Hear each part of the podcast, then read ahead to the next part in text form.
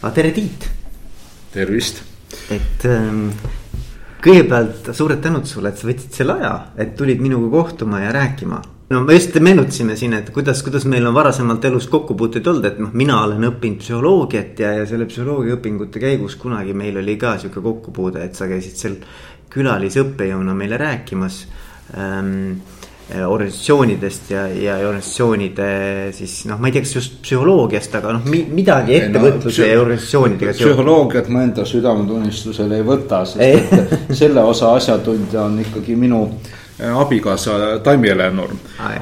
aga eh, noh, küll ma arvan, et no võib-olla natuke organisatsiooni sotsioloogiaga on tegelenud, kuigi, kuigi see põhivaldkond on ikkagi organisatsiooni juhtimine, organisatsiooni väljaarendamine. see võikski olla, see võikski olla juhtimisest. see tegelikult. ikkagi võib-olla ma seal mingisuguseid psühholoogilisi aspekte tõin välja, tegelikult mul on kui sa hakkad minu käest küsima, ma aiman ette, mida sa küsid, et siis mul on üks Korea äh, sõja näide, et, et aga, aga selleni veel jõuame, et, et see natuke piirneb ka sotsiaalpsühholoogiaga. aga, aga kui nüüd natukene nagu rääkida, et kes on Tiit Elenorm, eks ole, et, et siis äh, sa, sa pead nüüd ise mind aitama siin, aga noh, mis on märksõnad, mida mina nagu välja toon, eks ju, et üks asi kindlasti, et sa oled olnud ikkagi väga pikka aega õppejõud, eks Äh, täna, täna nagu sa ütlesid, et sa, sa tegelikult ennast tituleerid ettevõtluse äh, just, ettevõtlusprofessorina.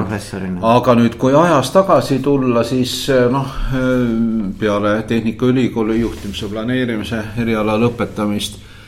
Tegelikult ma alustasin kohe koostööd Madis Abakukega, me tegime palju noh võiks nagu tänapäevaste sõnadega nimetada konsultatsiooniprojekte sellistele nõukogudeaegsetele huvitavatele firmadele, kui, kui need nüüd firmadeks tohib nimetada, pigem mitte, nagu Eesti Põllumajandustehnika, Kiirovi nimene kalurikolhoos, ETKVL ehk tarbijate, tolleaegsed tarbijate kooperatiivid ja veel need, kus oli suurem vabadusaste. No ja siis edasi ma töötasin pikalt Eesti Majandusjuhtide Instituudis, noh, kus me ka ikkagi tegime suuri Äh, projekte, milles põimusid rakendusuuringud ja konsultatsioonitegevus, noh näiteks uurisime äh, veel siis, kui Gorbatšov just võimule oli tulnud, et kes on need edukad juhid ah, uurisite sihukest asja selle. uurisime juhi ah, edukustegureid vahetult ennem Nõukogude Liidu ja käsumajanduse lagunemist. ja siis sai tehtud oma koolituse konsultatsioonifirma äh, nimega EM International, eks ta natukesest EM-ist sai see nimi inspiratsiooni ja muidugi samas me tegime hästi palju rahvusvahelist koostööd paljude Põhjamaade koolitus- ja konsultatsioonifirmadega, eks tänapäevalgi on ikkagi mul väga palju tuttavaid Soome konsultante ja koolitajaid.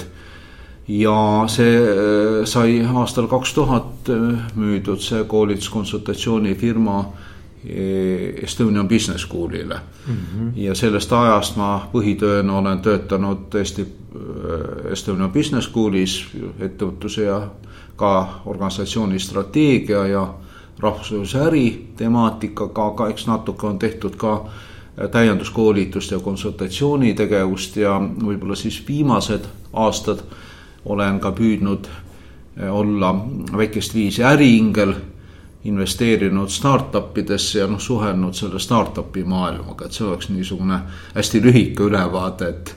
Aga noh, täna me ütleme niimoodi, et minu kuulajaskond on siis juhid ja juhtimisest huvitatud inimesed, eks ole, nii et peaks nagu rusikas silmaauku olema sinuga rääkida.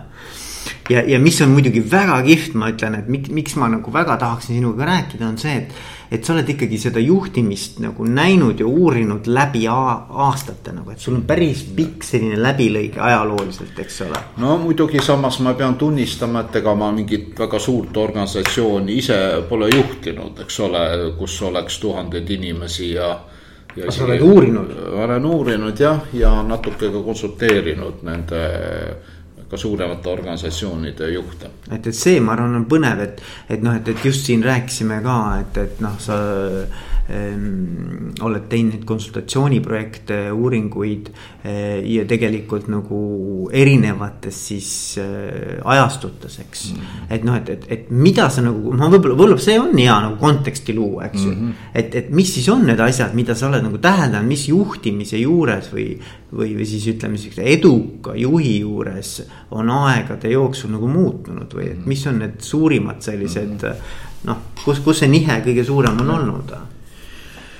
Ma arvan, et see on üks väga oluline küsimus, sest et noh, need juhid ja organisatsioonid, kus ei mõisteta muudatusi, neid ähvardab see edulõks, isegi kui nad mingil perioodil on edukad ja hakkakski peale sellest Nõukogude süsteemi lagunemisest, käsumajandusest, et noh, tol ajal tõesti olid mõned organisatsioonid, kus oli suudetud luua suurem vabadusaste, kus tõesti räägiti strateegiast ja loodi ka oma personalile äh, tegelikult väga head, tolle aja kohta head tingimused, noh, mõtleme kasvõi seda Kiirovi kalurikolhoosi töötajaskonda. ja põhimõtteliselt nad olid äh, paternalistlikud juhid. Nad olid ikka sellised nagu isafiguurid, kes siis oskasid ühelt poolt teha riigi ja parteiorganitega lobitööd teiselt poolt kaitsesid oma inimesi, noh, kelle hea, kelle nii-öelda laia selja taga oli hästi lihtne olla lea-, lojaalne ja siis noh, muidugi eks nad natuke ikka delegeerisid, aga, aga väikeseid asju. ja huvitav oli jah seda jälgida, et nad ei suutnud neid süsteeme tervikuna erastada või, või ütleme, ümber struktureerida, kui see käsumajandus ära lagunes. et ikkagi need alluvad kes olid harjunud nüüd sellise nagu väikse noh, iseseisvuse astmega ka, noh, ma mõtlen väikesega võrreldes nüüd selle suure bossiga mm. -hmm. tegelikult suurega võrreldes tavalise äh, eks ole, käsumajanduse ettevõtte keskastme juhiga. Nad kõik tahtsid minna oma teed mm. -hmm. ja ei olnud, kuigi paljud nendest süsteemidest oleksid võib-olla suutnud väga edukalt noh, kohaneda turumajandusega kui oleks äh, võimekust neid inimesi strateegia arutelusse sisulisemalt kaasata mm. -hmm. et see, see oli minule suur õppetund. noh, üheksakümnendatel aastatel saavutasid edu need inimesed, kes jälgisid natuke sellist äh, metsiku lääne põhimõtet. First shoot, then ask, kõigepealt tulista, siis küsi, eks ole et mul on siin isegi kaasa võetud nüüd aimates ette sinu küsimusi on, on üks niisugune tabel, eh, mida ma siin tudengitega olen arutanud. et eh, noh, kuidas erinevad nüüd edukustegurid, eh, ma, ma, ma siin nende edukustegurite võrdluses ma juba ikkagi mingil määral lähtuksid selle, lähtuksin sellest, mida mulle õpetati, kuna ma olin Harvard Business Schoolis kuu aega et äh, tähtis on, äh, et oleks ettevõtlik juht ja juhtimisvõimeline ettevõtja. et ütleme siin need edukustegurid nagu on juba nihuke sümbioos mm, -hmm. ütleme ettevõtja omadustest ja juhi omadustest mm -hmm. ja noh, et siis minu tudengid, ma tol ajal olid enamuses need tudengid, kes ise ka töötasid, mitte võib-olla kõik tippjuhina, osa töötas keskastme juhina, noh, nemad tegid sellise pingerea et üheksakümnendatel aastatel. aa, see on nagu tudengite poolt tehtud? E, jah, nendega mm -hmm. arutatud, aga noh, mitte niimoodi, nad ei olnud sellised ainult päevased tudengid mm, -hmm. nad mhm. olid ikkagi mm -hmm. inimesed, valdajad, kes ise omasid e, ka juhtimiskogemust mm, -hmm. tõsi küll, võib-olla mitte tippjuhi oma, keskjuhi oma Nende tees oli see, et pingerida oli nii, et üheksakümnendatel aastatel riskivalmidus, tegutse kiiresti, mõtle hiljem. nii Eh, individualism, ettevõtja teeb enamik otsuseid ise. noh, edasi tuleb juba see, et peaks olema eh, lobitöö ja palju sõpru avalikus sektoris ja tuttavad välisinvestorid, eks ole mm. -hmm. ja siis edasi tuli juba siis see, et tol ajal oli ka hea võõrkeelte oskus oluline, et noh, mhm. võib-olla tänapäeval see on üldlevinud, aga, aga elementaarne siis ei olnud nii. ja kui nad siis pidid arutlema aastal kaks tuhat seitse olukorra üle no vot siis nad rõhutasid sellist visiooni, mis seob innovatsiooni ja äri jätkusuutlikkuse. no see oli mitte niivõrd jätkusuutlikkus, et kuidas planeeti säästa või päästa, et see jätkusuutlikkus, et noh, kuidas sa võib-olla järgmise kriisi siiski suudad ka üle elada, eks ju, siis just muide oli ju see ja, aeg, kus nagu kriis nagu terendas väga. siis juba rõhutati meeskondlikkust, seaduste ja juristide tundmist Euroopa regulatsioonid, et see oleks rahvusvaheline võrgustik, eks ole mm. -hmm. ja, ja rohkem usuti, et nüüd usaldus on nagu olulisem, kui ta oli varem, eks ole mm -hmm.. noh, need loendid tegelikult jätkuvad, aga noh, need oleksid nagu need viis kõige esimest, eks ole, noh, natuke rõhutati ka kaks tuhat seitse, et perekonnaga võiks ka natuke tegeleda ja et nagu isiksuse tervis, terviklikkust. aga mis on tänapäeval, noh ma ütlen, et, et kui jällegi mõelda nüüd selliste ettevõtete peale nagu startup'id ja, ja ehk need iduettevõtted. et siin eesti keeles, et siin on ikkagi veelgi olulisem see rahvusvaheline võrgustik, oskus oma tiimi tuua talente hmm., neid motiveerida, eks ole, mitte tülli minna talentidega, sest see on tihti raske talentidega mitte tünni, tülli minna ma arvan, et kui olla keskastme juht, siis tegelikult äh, äh, coaching või coaching on oluline, aga tuleks osata coach ida ka oma ülemusi. eks ole, ka sedapidi, mitte ainult ülevalt alla.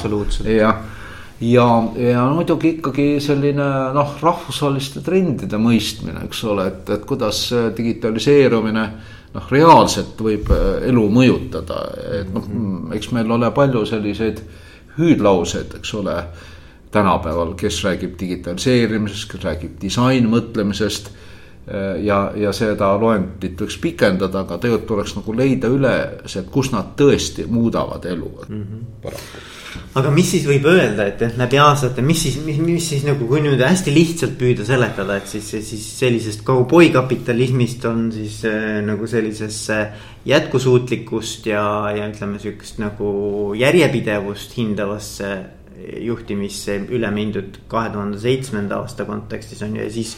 noh, täna me ütleme, meil on kaksteist aastat veel edasi läinud, eks ju et noh, nüüd, nüüd on ikkagi nagu elu veel teistmoodi, et äh, täna, täna räägitakse hästi palju, eks ole, sellistest us. usaldusväärsusest ja usalduslikest suhetest ja arendavast juhtimisstiilist ja mis on siis kogu selle coaching uga seotud, eks ju. et ähm, noh, sihuke ja siis muidugi startup'i maailm, eks ju, sealsed eripärad yeah no vot, mulle tundubki, et äh, tänapäeval me peaksime väga mõtlema selle peale, milline on see organisatsiooni tüüp, millest me räägime, eks ole, et kui meil on niisugune suur organisatsioon, suhteliselt nagu stabiilne. Eh, noh, suhteliselt, eh, siis ega tegelikult, kui mõtleme selle tippjuhi peale juhatuse tasandil, eeldades, et tal on noh, tuhandeid töötajaid, noh, selliseid organisatsioone on Eestis ju vähe tegelikult, eks ole. Seal ma arvan, et on põhiline ikkagi teatud noh, mängureeglite ja, ja põhimõtete, prioriteetide paikapanek, et.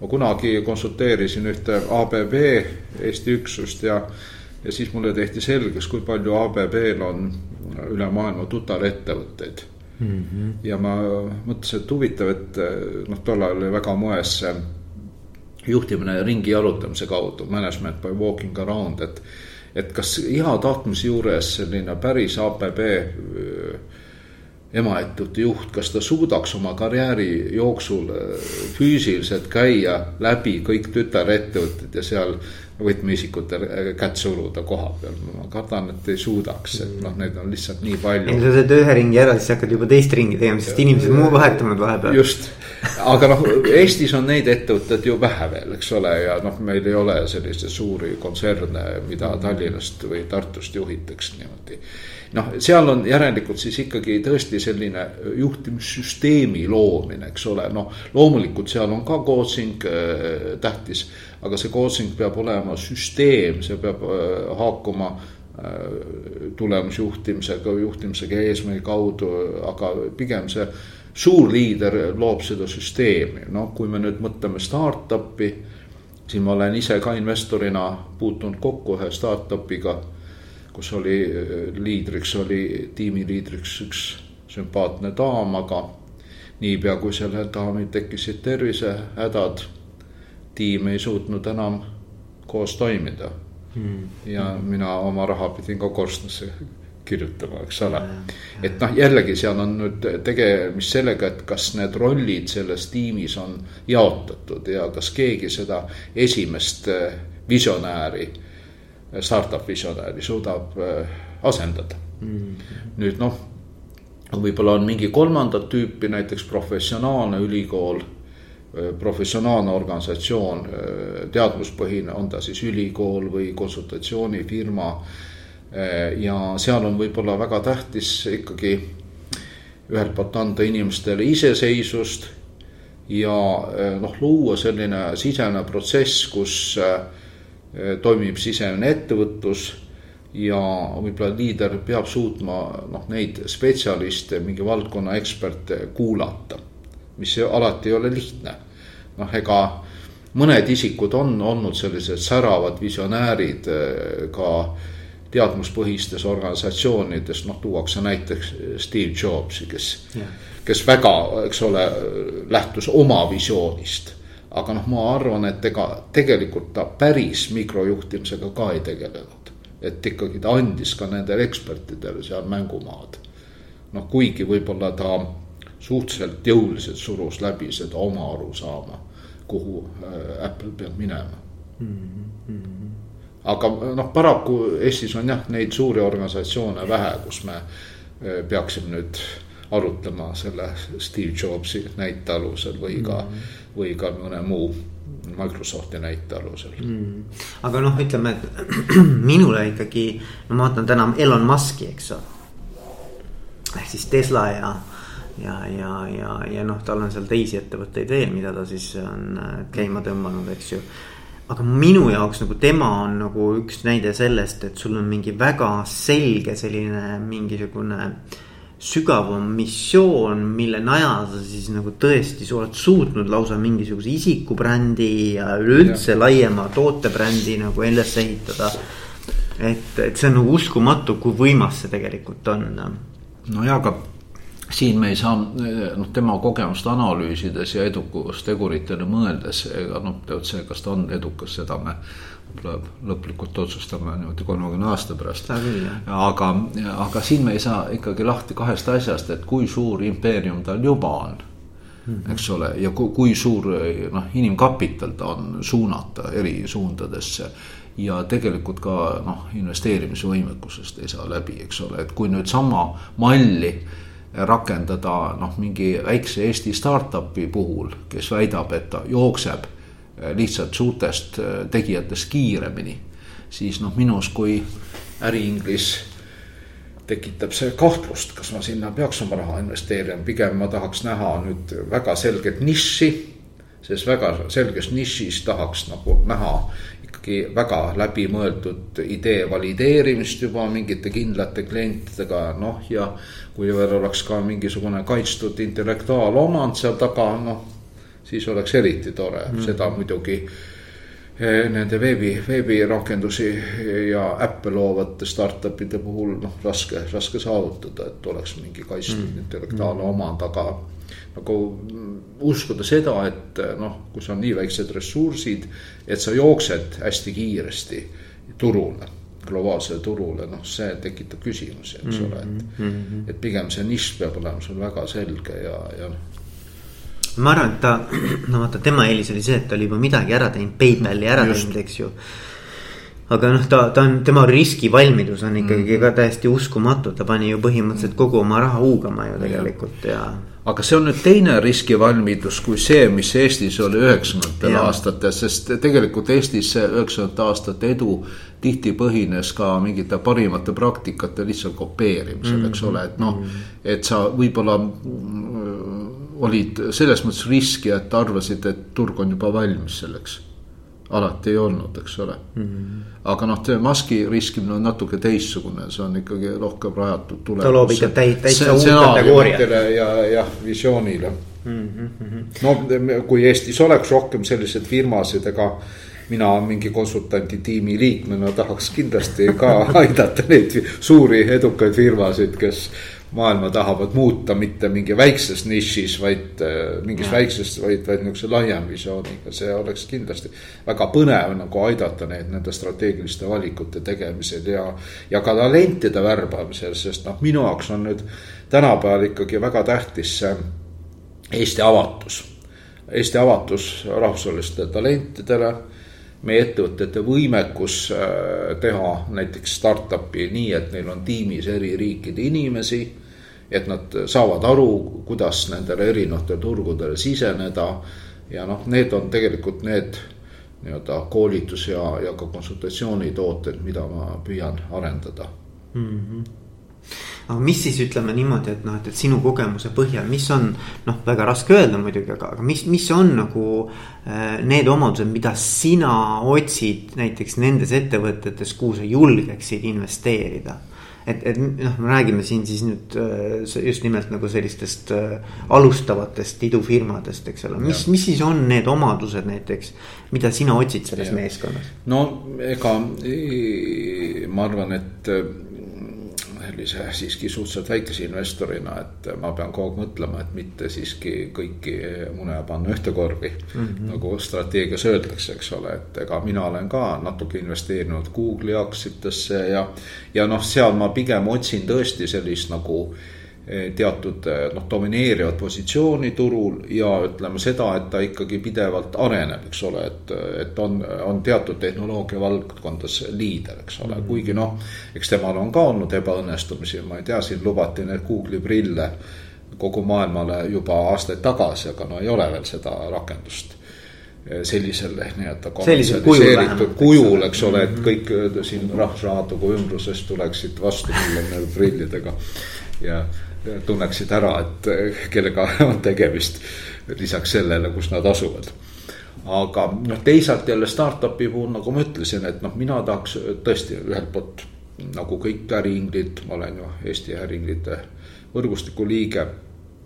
kõigepealt ma tahaksin seda, et eh, neil oleks tugev tiim, kus inimesed üksteist täiendavad noh, kui nad väga kiiresti loodavad jõuda paljudele turgudele, siis peaks seal tiimis olema ka inimesi väljaspoolt Eestit, eks ole, kellel on kogemust nendelt teistelt turgudelt. ja noh, nagu ma ütlesin, et ma pigem äh, nagu ei äh, tahaks investeerida sellisesse järjekordsesse äppi, mis on mõelnud, et jälle viime kaks turuosalist kokku, kes pakub teenust ja, ja, ja, ja kes siis tahab seda teenust saada, sest ma kardan, et need laia profiiliga võrgustikud, eks ole. mis on juba olemas, noh, nemad tegelikult täidavad seda funktsiooni ka osaliselt, et ma pigem otsiks niisugust tõesti nišši, mis haakub näiteks tervishoiuga või haakub minu poolest isegi, paneb kokku selle tarkvara ja teatud nagu riistvara, noh, sest riistvara peale järsku saab mingit Äh, patenti kunagi võtta, eks ole, kui tal mm, -hmm. tal seal midagi uudset. otsiksin pigem selliseid äh, firmasid. aga juhi, aga ütleme siis nagu, et selle, selle nii-öelda liidri või juhi omadused no vaata, äh, tavaliselt on niimoodi, et ega need startup'id, kellega me Eesti äriinglite võrgustiku üritustel kohtume, seal on see pitching oskus päris hästi omandatud, nad on kõik selliste säravate silmadega ja. ja ütleme niimoodi, et mida ma olen ühes ettevõttes kogenud, kuhu ma investeerisin, et, et halb on, kui inimesed ühel hetkel tülli lähevad mm.. et seesama startup tiim, ühelt poolt neil peaks olema vastastikune usaldus, aga paljalt, eks ole, inimestevahelise usalduse peale ka ei saa suurt kasuäri rajada. et peavad olema ka head lepingud. et äh, kuidas siis ikkagi lahku minnakse, kui, kui osadele enam see koos tegemine ei meeldi, et, et ja mõistliku hinnaga, eks ole, lahku minnakse, et see on ka oluline asi, et. et ma ei ületähtsustaks siiski seda, noh puhast inimfaktorit, eks ole, usaldust. Sest no armastusest vihkamiseni ei ole väga pikk tee. ka ärimaailmas mm. -hmm, mm -hmm.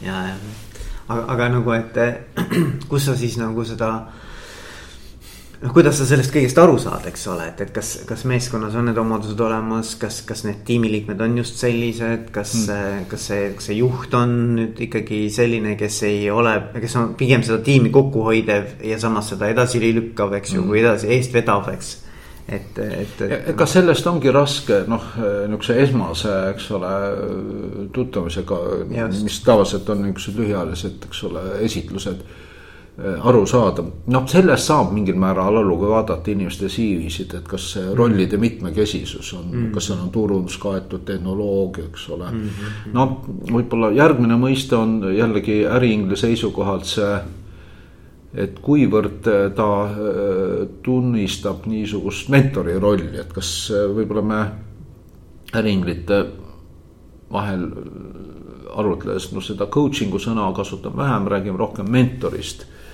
et ka, kas, kas ta äh, on avatud noh, mingitel nõuannetele, eks ole, et kas ta suudab neid nõuandeid vastu võtta, noh, loomulikult ta peaks suutma neid nõuandeid võtta vastu ka teistelt tiimiliikmetelt, eks ole. et siin kindlasti selline. Äh, selline vastuvõtlikkus. vastuvõtlikkus mm -hmm. ja mhm. ja ega loomulikult see haakub ka selle coaching'u ehk coaching uga, et, et tõesti, kas ta inimestega vesteldes suudab esitada asjalikke küsimusi, kas ta ise suudab küsimustele vastata, see on, on ka väga oluline mm. -hmm. ma mäletan, mul oli kunagi oli jutuajamine oli äh, Kristel Kruustükiga, et äh, teate, tema on üles ehitanud oma abikaasaga, eks ju, selle äh,. aita nüüd öelda mulle see ettevõtte nimi, Testlio vist või mm? -hmm. on Testlio? Vist jah, ja. ütleme, et on Testlio, ühesõnaga Testlio ja, ja nema, tema rääkis mulle just nimelt sellest, kuidas nemad algusaastatel üksteist väga palju toetasid mm, -hmm. et, et kui ühel oli nagu halb päev, siis, siis teine mm -hmm. ikka suutis nagu kuidagi nagu seda. noh, seda, seda tunnetust ja kõike seda inspiratsiooni süstida. ja, ja tei-, ja vastupidi, kui siis teine kukkus ree pealt maha, siis noh, ikkagi mm -hmm. nagu. Et nad olid nagu päike ja ja, ja kuu, eks ole, et nad nagu toetasid üksteist äh, olenemata sellest, et mis, mis teise inimesega siis parasjagu juhtus, et. Ähm, et ma arvan, et selline nagu väga hea klapp ja üksteise mõistmine ja ka üksteisele toetumine on nagu nii oluline selles nagu just nii-öelda varajases faasis. aga vot siin peakski ikkagi minu arust eristama need faase, et noh, kui kõik mahuvad äh, ühe laua taha ümber pitsat sööma sinnasamasse garaaži noh, siis on selline vahetu inimeste keemia, vaheline keemia hästi mhm, oluline mm. -hmm. nüüd, eks ole, kui organisatsioon kasvab, noh, seal on näiteks juba nelikümmend, viiskümmend inimest tööl. vaat siis see, et kui see sisering on nüüd omavahel väga eh, tihedalt seotud ja kõiki asju lahendab seal koos pitsat süües või, või veel hullem suitsunurgas. Et see võib tegelikult eh, ühel hetkel hakata seda inimeste pühendumist, kes on hiljem juurde tulnud, eh, tegelikult takistama Hmm. sest et noh, nad saavad aru, et tegelikult sellel ametlikul nõupidamisel või arutelul noh, midagi enam ei otsustata, vaid see on kõik suitsunurgas või kuskil tagatoas ära otsustatud, et selline noh, tagatoa fenomen võib ka tekkida, kui nüüd eh, jällegi ei aktsepteerita, eks ole, nende uute inimeste rolle, kellega ei ole enam sellist nii lähedast eh, noh, isiklikku suhet ja kellega koos ei ole mm. seda soo, soola nimitud puu, puud ära, ära söödud. ja muidugi, kui nüüd organisatsioon muutub veel suuremaks ja eriti, kui ta on oma olemuselt noh, natukene selline eh, mingi institutsioon. eks ole, et ta ei ole päris selline mingi turumajanduslik üksus vot siis, mida ma olen viimastel aastatel nagu täheldanud, tekib niisugune huvitav fenomen, et ma võib-olla niimoodi see seoste loomine on natuke riskantne, aga noh, mõtleme nüüd, hakkame kohe peale, hakkame sealt Trumpist peale, eks ole, et. et noh, et ta on olnud ju siiski, mõned ütlevad, et eh, mitte edukas, mõned ütlevad väga edukas, eks ole, ärimees, ettevõtja mm, -hmm. nii. Ja noh, inimesi tööle võtnud, vallandanud aga nüüd see stiil, kuidas ta nagu teeb seda, eks ole, võib-olla ka mõnel juhul oma nõuandjat mitte kuulates, eks ole noh, see kaugelt paistab ikkagi suuresti niisuguse ühelt poolt autokraatsena, aga teiselt poolt veel nagu ettearvamatuna, sellise väga improviseeriva autokraadina. nii, kui me nüüd noh, tuleme sealt jänkidest natuke lähemale ja mõtleme siin selle üle, mis me siin uudistes jälle täna kuulsime, et nüüd maaeluministeeriumist lahkuvad siis nii minister kui kantsler, eks ole kas selle taga ei ole ka natuke sellist asja, et noh, inimene on tulnud mingist teisest keskkonnast, ma pean silmas ministrit, eks ole. ja ta tahab ka, eks ole, eh, noh, natuke impulsiivselt asjadele läheneda ja no, et kõrval on väga vilunud ametnik, eks ole, kes ei lase endale pähe istuda, eks ole, ei saa nagu juhtida samal viisil seda organisatsiooni isegi nagu mingit äh, vallavalitsust Mm. niimoodi mm.. aga noh, mulle tundub, et see ei ole ainult poliitikasfääris, et mm. mulle tundub, et meil ongi nüüd osa neid inimesi, kes üheksakümnendatel aastatel olid väga noored. ja võib-olla osadel juhtudel nad sattusid mingisse rahvusvahelisse ettevõttesse tööle, Eesti üksust juhtima. Kus neil oli ka piiratud iseseisvust, aga kellel nüüd on noh, teatud kogemus Mm -hmm. Nad küll räägivad kaasamisest ja coaching ust mm. -hmm. aga kas nad väga tahavad päriselt kaasata, nad võib-olla ikkagi tegelikult äh, pigem tahavad oma seda ideed nende kaasamisvormide kaudu lihtsalt müüa mm. -hmm. kas nad päriselt usuvad, et, et teistel inimestel, kes nüüd on nooremad ja mõnel juhul ka need, kes on nendest näiteks vanemad. et nendel on tõesti mingit oskusteavet, mida neil ei ole mm. -hmm vot, vot, vot siin ma jah, tõmbaks niisugused võib-olla kunstlikud raagelnigi juba sealt Jänkimaalt siis meie, meie poliitika ellu ja edasi ikkagi ka natuke erasektorisse, et. et, et kui siiralt kõik inimesed, kes räägivad kaasamisest ja coaching ust tegelikult näiteks seda aktsepteerivad, et ka nende alluvad mõnel juhul on eksperdid ja, ja võivad tõesti päriselt anda neile strateegialast nõu mm. ja, jah, no ma ei tea, raske öelda sulle, aga, aga ma arvan, neid juhte on, kes üha rohkem tajuvad, vaata, mida komplekssemaks läheb tegelikult see, see valdkond. Ja mida rohkem sõltub iga individuaalse tiimiliikme panusest Eh, noh, et seal on ka loovuselemente, innovatsiooni elemente, eks ju. sihukest kreatiivsust ja hall, hallollust nagu kasutatakse võimalikult palju.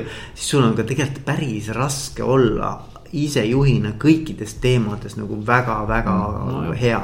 no seda minagi, aga just siin ongi see, et tuleb ilmselt aktsepteerida seda, et organisatsioonis võiks olla ideid ja variante natuke rohkem kui igal ajahetkel on noh, ressursse nende rakendamiseks, eks ole, et et võib-olla tõesti mõne asja kohta tuleb öelda, et see on väga hea idee, aga aeg ei ole veel küps, eks ole, aga noh, panna ta nii-öelda sellisele riiulile, kus ta, kus ta on kättesaadav mm. -hmm. rakendamiseks siis, kui olukorrad muutuvad, eks ole mm. -hmm. et jah, et äh, ma tean, et sina psühholoog ja minu abikaasa on ka psühholoog, kes tegeleb ka coaching'u ja ja, ja eh, muude selliste nõustamisvariantidega. aga ma arvan, et noh, kõrval on ikkagi vaja meil ka sellist noh, mida aastakümneid on nimetatud organisatsiooni väljaarendamine, et noh, mingisugune nõupidamiste ja kaasamisürituste süsteem kus siis järjekindlalt seda strateegiat arutatakse, täpsustatakse, ületatakse allükste vahelisi barjääre. et see ei taandu ainult nüüd selle kootsi ja kootsitava noh, niisugusele vahetule inimsuht-, suhtele ja usaldusele, et kõrval, et ka struktuuri on vahel vaja ja, ja noh, näiteks on vaja ikkagi tulemusjuhtimise süsteemi, et inimesed teaksid, eh, mille eest saab tulemuspalka, on vaja ka need reegleid, eks ole. ja ma arvan, et noh, paljud inimesed organisatsioonis, eh, kes on ise piisavalt iseseisvad ja kes on potentsiaalsed sisemised ettevõtjad, et nemad pigem tahaksid kindlaid mängureegleid, eks ole. Mm-hmm. et, et osa inimesi võib-olla tõesti vajab rohkem sellist eh, puhast empaatiat ja ärakuulamist mm. -hmm. aga osa võib-olla ütleb, et okei okay,, et, et kui mind ära kuulatakse, et noh, see on tore, aga, aga kui ma ei tea, eh, kas pärast eh, minu know-how'd kasutades ka mind silmas peetakse meeles. võib-olla ma ei tahagi rääkida oma ülemusele kõigest mm. -hmm. eks ole, võib ka selliseid organisatsioone ja olukordi olla mm, -hmm. kui reeglid ei ole selged. ja, ja, ei arusaadav jah kuule, aga Tiit, me oleme nüüd erinevatesse nii-öelda nagu liinidesse oma nina pistnud, et äh, ma mõtlen, et, et mis on need asjad nagu, mida sina ise tahaksid juhtimise juures nagu sellistele praktikutele rõhutada, et mis. no et sa oled nagu, sa oled nagu õpetanud seda valdkonda ühe ja teise nurga alt ju aastaid. ja, ja võib-olla nagu, võib-olla ma ei oskagi nagu ise nagu paremini küsida, kui et, et, et, et kui näiteks, et, et peaks nüüd nagu praktikutele mingisugust sellist nagu soovitust, nõuannet või, või mingit olulist mõtet edastama, et mis, mis see sinu jaoks nagu on kõige olulisem äh, juhtimises? no minu jaoks kõige olulisem ongi see, et, et kuna ma olen natukene ka Raul Üksvärava koolkonna esindaja, tema rõhutas alati seda, et tuleb aru saada, mis situatsioonis ollakse, eks ole. Mm.. et, et, et päris sellist noh, universaalset reeglit ei olegi, eks ole. et ähm, kindlasti noh, ütleme üks reegel on see, et delegeeri ja, ja kaasa, eks ole. Noh, ära, ära tegele mikrojuhtimisega ja see muutub järjest olulisemaks, kui organisatsioon kasvab, eks ole noh, see on üks reegel, aga, aga ma arvan, et isegi see reegel ei pruugi saja protsendi situatsioonidest eh, kehtida, noh. kindlasti üldinimlikud eetilised põhimõtted, ole aus ja siiras ja tunnista oma vigu ja mm -hmm. noh, ka need on. Eh, autentsus. autentsus, ütleme. aga võib-olla ma, kui tohib, ma tegelikult tulekski tagasi, et kui vahepeal juba poliitikast juttu oli, et siis arvestades pingelist rahvusvahelist olukorda, et ma tahaks rääkida ühe loo, mida ma kunagi aasta tagasi lugesin Korea sõja kohta, et seal olid ka mängus sotsiaalpsühholoogid ja siis noh, ÜRO lipu all teatavasti seal sõdisid ju suuresti Ameerika Ühendriikide väed. noh, ütleme kaitstes siis Lõuna-Koread Põhja-Korea vastu ja ja siis tehti üks selline katse, võeti kolm jaokomandöri. ja siis äh, anti neile ülesanne, et nad peavad äh, mingeid kohalikke limukaid panema oma sõdureid sööma toorelt. nagu päriselt? ja päriselt jah, ega noh, see oli iseenesest nagu humaanne akt, sellepärast et kui oled piiramisrõngas ja suudad need limukad süüa, siis ja varustusteed on kõik ära lõigatud. ega siis noh, tegelikult tuleb kasuks selline võimekus. no okei okay.. nii, ja siis, kuidas nad käitusid, noh, valitigi vastava, nagu varem selgitab psühholoogilise profiili järgi kolm komandöri. ja esimene komandör siis äh, oli selline inimene, kes oli varem ühes noh, tähtsas staabis teeninud, aga oli seal sattunud nagu vastuollu. ja see oli saadetud rindeväe otsa ja siis väeossa ja tema siis kirus kõigepealt noh, kõik nad rivistasid sõdurid muidugi üles, kõigepealt tead see esimene komandör kirus kõigepealt siis staapi, et mingi jälle. meie siin sõdime, meie noh ohverdame või paneme oma elu ohtu, nemad seal mõtlevad mingisuguseid totrusi välja, nüüd on mõelnud äh, need limukad välja, aga no et ega midagi ei ole teha, näete, siin on mul on nimekiri. et ega kedagi ei saa usaldada, et, et äh, kaebate veel minu peale et, et mulle on antud korraldus, et, et kel, kes limukat ei söö, eks ole, selle nime järgi teen miinuse. ja noh, esitan aruande. nii, teine komandör oli siis nihuke hästi nihuke tugev sell, sihuke rusikamees, noh, eks ta seal vajadusel ka andis kellelegi üle kaela, kui sealt erines distsipliini rikkumis. rivistas jälle sõdurid ümber üles ja ütles, et sõimas kõigepealt näo täis kõigil. noh, ikka mingid äh, rikkumised olid esinenud viimase äh, kahe päeva jooksul. ja siis ütles, hea küll, nüüd igaüks sööb limuka ja siis rivitult. nii, ja kolmas oli, ma ei tea, kui olete lugenud see äh, leitnant Koskela Tundmatust sõdurist, Väino linna Tundmat sõdur soomlaste noh, kuulus raamat ja, talve, jätkusõjast võeti. ja Lehtnan Koskel oli selline nagu esimene võrdsete hulgas seal selles Soome nii-öelda sõja mütoloogias. ja, ja siis see ameeriklaste kolmas komandör oli ka selline, et siis, et nojah, et meil siin selline limuka söömine nüüd ja et no mis siis ikka, teeme ära, et. ja siis sõi ise limuka kõrvalt ära ja, ja noh, ütles, et noh. Eks ole, palus või ütleme, isegi ma ei ütleks, et kutsus üles, vaid noh, pidas nagu loomulikuks, et kõik siis saavad ka sellega hakkama.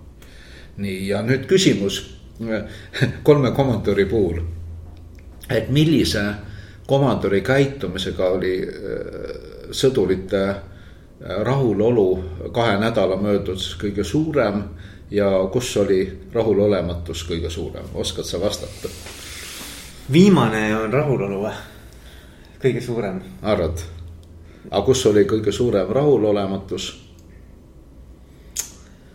esimene. okei okay ühes asjas oleme nüüd samal meelel, tähendab noh, mina toetun lihtsalt sellele kirjatükile, mul ja, ei ole, see oli nii ammu, et loetud, et mul ei ole täpset viidet, aga uh. -huh. et tõepoolest, esimene komandör oli selline nagu noh, bürokraat või mitte, ta, ta ei võtnud, eks ole, piirsituatsioonis inimeste eest vastutust. ta noh püüdis nagu esineda sihukese vahelülina, kellest midagi ei sõltu, üleval on kõik lollid, eks ole. ja, ja inimesed vajavad sellises situatsioonis kaitset mm, -hmm. eks ole, mm-hmm. olgu või paternalistlik juht nüüd see teine oli nüüd selline noh, paternalistlik juht, kes oli harjunud sellega juba füüsiliselt on nihuke tugev, eks ole, keegi temaga vastu ei õiendanud, eks ole, noh. aga nüüd kõik said aru, et kui teed nii nagu ülemus ütleb, siis midagi halba sinuga ei juhtu ta siiski lõi teatud turvalisuse mm. -hmm. ja miks nüüd ikkagi kolmandal juhul ei olnud äh, lõpuni sõdurid äh, rahulnud? Neil tekkis niisugused süümepiinad, et meie armastatud äh, ülemus, eks ole, peab nüüd ka limuka aktsioonis osalema. ta võib-olla ei osanud niimoodi visioon, visionäärina. et see on nagu tema teema. ja see umbes nii, et no teeme ära ja et noh, et mis siis ikka ta, ta andis isiklikku eeskuju. Mm.. aga ta ei suutnud luua seda inspireerivat limuka söömise visiooni. Rituaali. Või rituaali, no rituaali, rituaali hetkel ei olnud vaja, oli vaja nagu teha see katse läbi. ühesõnaga, et ta ei suutnud inimestele sisendada seda inspireerival kujul, miks see on nii tähtis. samas ta oli ise, ise eeskujuks, eks. ta oli ise eeskujuks jah, ja, ja noh, ta ei harju, ta ei olnud harjunud niisuguseid suuri sõnu tegema mm. -hmm. ta oli nagu tüüpiline eestlane, et noh, alluv teeb mingi asja hästi ära, ütleb, et no ei olegi väga paha mm -hmm. noh, midagi sellist, ta oli seda tüüpi inimene mm. -hmm. nii et, et noh, vot võib-olla siit tuleb ka välja ikkagi üks nõuanne, et, et noh, ilmselt siis selline eeskuju äh, kusjuures siis inspireerivam kui selles kolmandas näites töötab näiteks startup'i puhul. võib-olla siis selline ütleme väga sellises kafka, kafkalikus suure organisatsiooni bürokraatias, kui sa tahad ikkagi olla liider, siis sa ei tohi olla nagu see esimene komandör, kes siis noh, püüdis käsi puhtaks pesta, eks ole, ja natuke no ohver, natuke ja, ohver ka, eks. ja, et tema ise et tahtis olla nagu ohver. no ja võib-olla mõnes olukorras, kus tuleb kiiresti tegutseda, et ikkagi see, see. limukas söödust saaks. jah, limukas sööduks, et see niimoodi tugeva. et see, tema, temaga oldi kõige rohkem rahul, jah?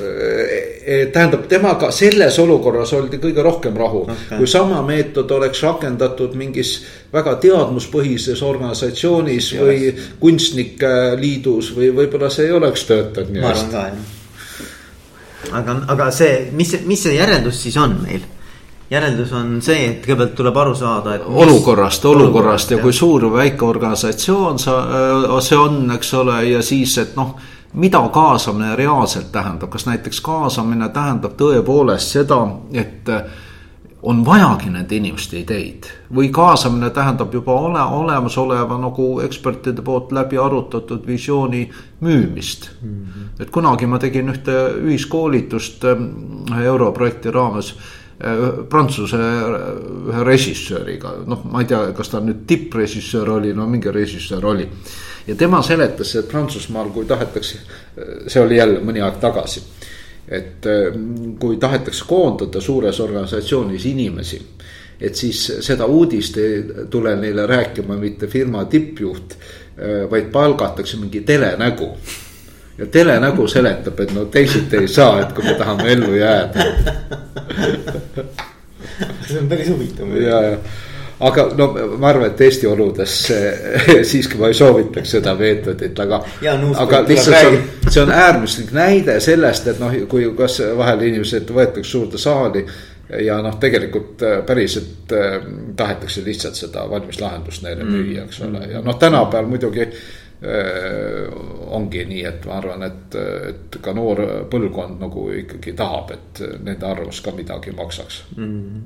jah, no ma, ma ise mõtlen näiteks seesama, see näide, mis sa tõid, eks ju.